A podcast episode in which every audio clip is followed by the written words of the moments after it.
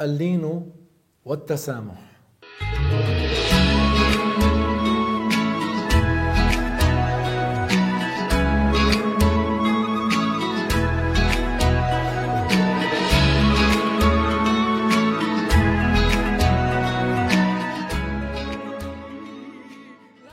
الحمد لله وصلى الله وسلم على رسول الله محمد اما بعد الله تعالى قال محمد رسول الله والذين معه أشداء على الكفار رحماء بينهم. الله تعالى قال محمد رسول الله والذين معه ليعم كل من كان بهذه الصفة أن يكون رحيما بالمؤمنين.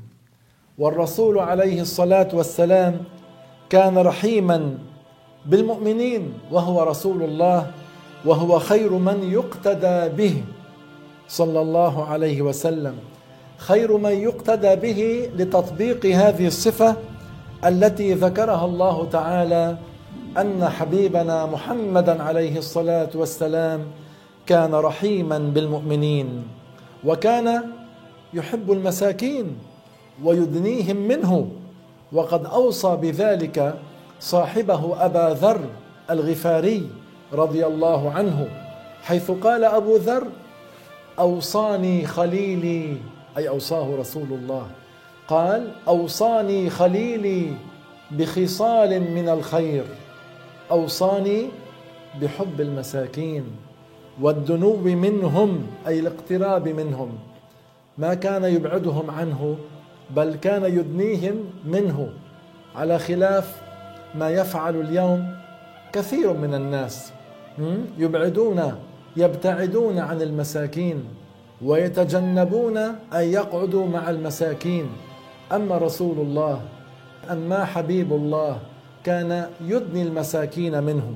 هو كان الرسول الله صلى الله عليه وسلم من شدة شفقته ورحمته بالمؤمنين إذا لم يرى بعض أصحابه برهة من الزمن يتفقدهم يذهب إليهم يزورهم عليه الصلاة والسلام. حتى إنه قيل له مرة عن رجل غريب مؤمن فقير. رجل غريب مؤمن فقير. سأل عنه رسول الله. فقالوا له إنه توفي يا رسول الله. فماذا فعل رسول الله؟ ماذا فعل عندما سمع أن رجلا مؤمنا فقيرا غريبا مات؟ ماذا فعل نبينا صلى الله عليه وسلم؟ فذهب إلى قبره. ذهب إلى قبره وصلى عليه وصلى عليه هناك عند القبر. هذا رسول الله. إلى هذا الحد كان نبينا عليه الصلاة والسلام يحب المساكين ويعتني بهم. وقد روى الحاكم أيضا بإسناد صحيح عن عبد الله بن مسعود أنه قال في قوله تعالى إن إبراهيم لأواه حليم. أي رحيم القلب. ليس أواه الذي يذكر بآه آه كما يظن البعض. هذه الآية إن إبراهيم لأواه حليم. أي إن إبراهيم عليه السلام كان رحيم القلب. بعض الناس الذين لم يتعلموا علم الدين ولم يتعلموا تفسير القرآن الكريم يظنون أن كلمة أواه أنه يذكر الله بآه وآه ليس اسما من أسماء الله تعالى لأن آه كلمة تدل على التوجع والشكاية كما ذكر ذلك الحافظ محمد مرتضى الزبيدي في إتحاف السادة المتقين. فآه لا تدل على كمال وأسماء الله تعالى كلها تدل على كمال. أليس الله تعالى؟ قال ولله الأسماء الحسنى فادعوه بها. الحسنى معناها الدالة على الكمال. كل أسماء الله تعالى تدل على كمال. ليس في أسماء الله ما يدل على نقصان. آه تدل على التوجع والشكاية. فإذا لا تدل على كمال. فإذا آه ليس اسما من أسماء الله تعالى. ثم الخليل بن أحمد الفراهيدي شيخ سيبويه رضي الله عنه كان يقول لا يجوز أن يذكر الله إلا كما ورد في القرآن الكريم. لا يجوز أن يذكر الله إلا كما ورد في القرآن الكريم. فمن أراد الذكر الصحيح فليذكر بلفظ صحيح فليقل الله الله الله ولا يقل أه أه فإن هذا اللفظ ليس اسما من أسماء الله تعالى. نعود إلى كلامنا.